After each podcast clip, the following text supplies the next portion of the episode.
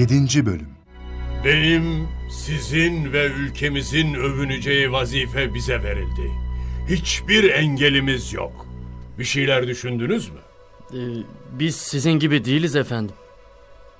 Yani şimdi sizde aradığımı bulamayacak mıyım ben? Keşke bulabilseydiniz. O kadar isterdik ki. Böylece noksanlığımız da ortaya çıkıyor işte. Hükümlerle uğraşacağınıza bizi yetiştirseydiniz şimdi rahat ederdiniz. Bu öyle bir iş ki aklı tüketmek ve fikri sonuna kadar çalıştırmakla tamamlanır. Neyse. Oysa denizde gemi tayfalarla yürür. Çünkü onlar gemiyi dengelerler. Ama büyük sulara ancak ihtisas sahibi usta kaptanla girilebilir. Gemi yolcularla dolar, tayfalar da çok olursa batmayacağından emin olmak mümkün değildir.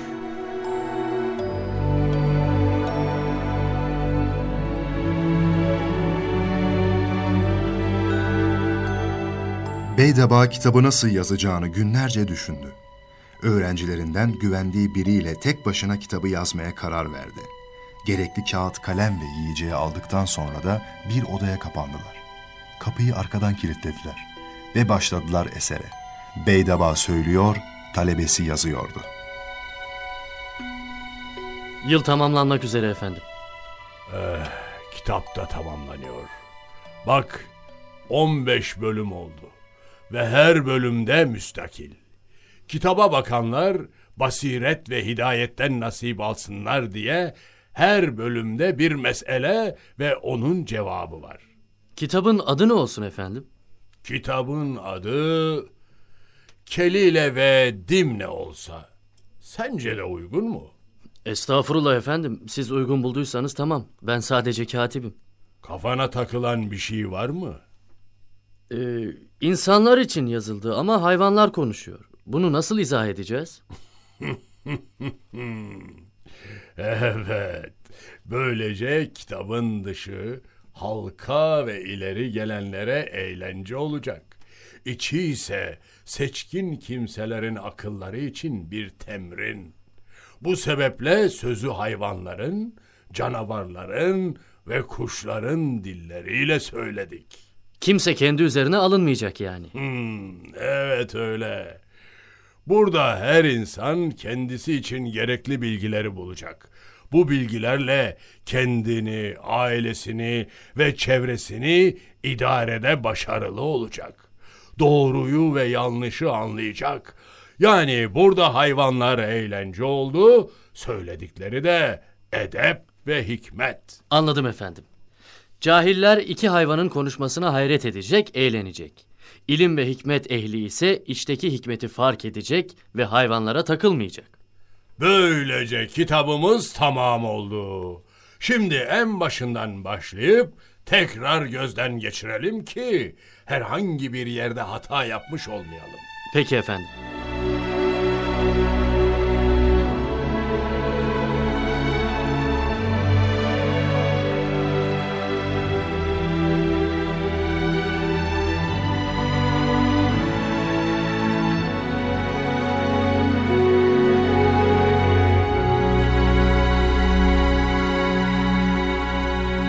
Yıl tamamlanınca hükümdar Beydaba'ya adam gönderdi.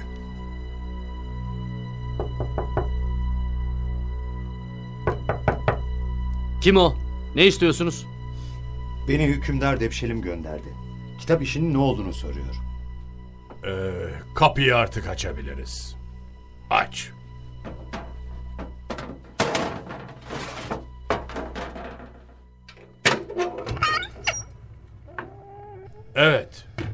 Ben sözümü tuttum. Kitabı huzurunda okumak istiyorum. Ancak bir talebim var. Neymiş talebiniz? Ben bir elçiyim iletirim efendim. Mümkünse halkı da toplasınlar. Kitaptan ne kadar çok insan istifade ederse o kadar iyi olur. Bu talebinizi hemen ileteceğim efendim.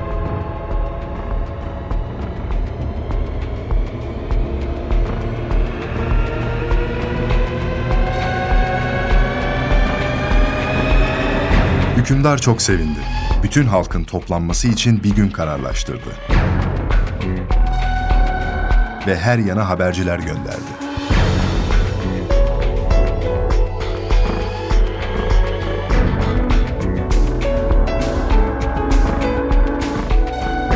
Bu özel gün için bazı hazırlıklar da yapılsın. Önce Beydaba için benimki gibi bir taht kurulmasını istiyorum. Hükümdar oğulları ve benim oğullarımla bilginler için de kürsüler konulsun. Emredersiniz efendim. O gün Beydaba'yı çağırmaya sen gideceksin. Sana da güzel elbiseler dikilsin. Peki efendim. Sağ ol.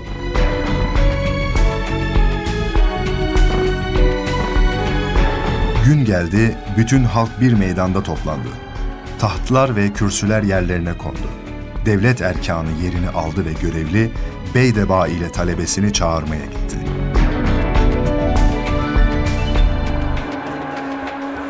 Bak, bak geliyorlar. Bizimkiler geliyor. Yine sırtında siyah kıldan örülmüş bilgin elbisesi var. Yeni yazılan kitabı da hemen ardından arkadaşımız getiriyor. Şanslı çocuk. Çok mütevazı adam, çok. Bizden de hiçbir şey istemedi. Başkası olsa hazineyi tüketirdi alimallah.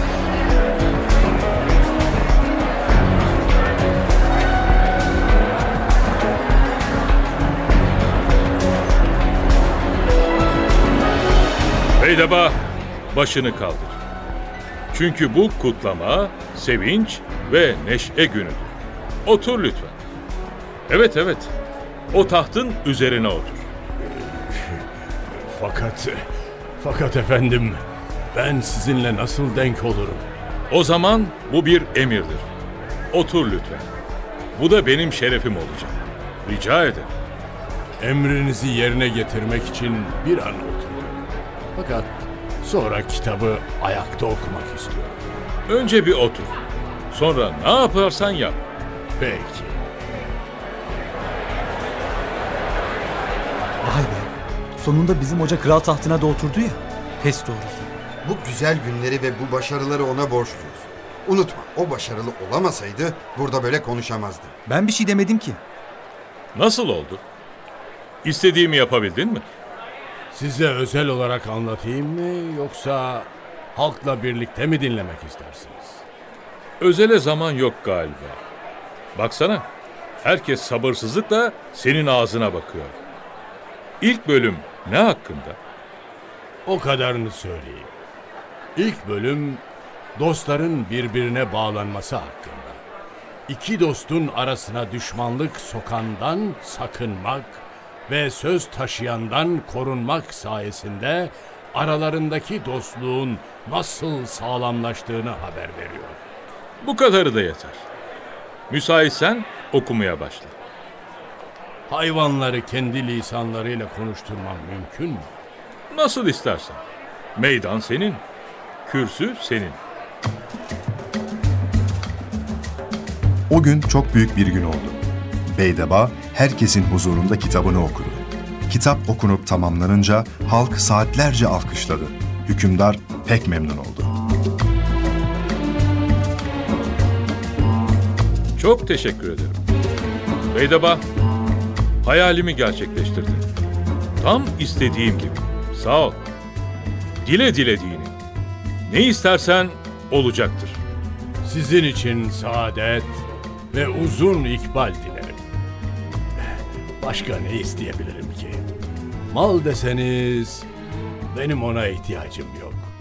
Elbise deseniz şu üzerimdeki sade bilgin giysisini hiçbir elbiseyle değişmem. Ama sizi de dileksiz bırakmak edebe uygun olmaz.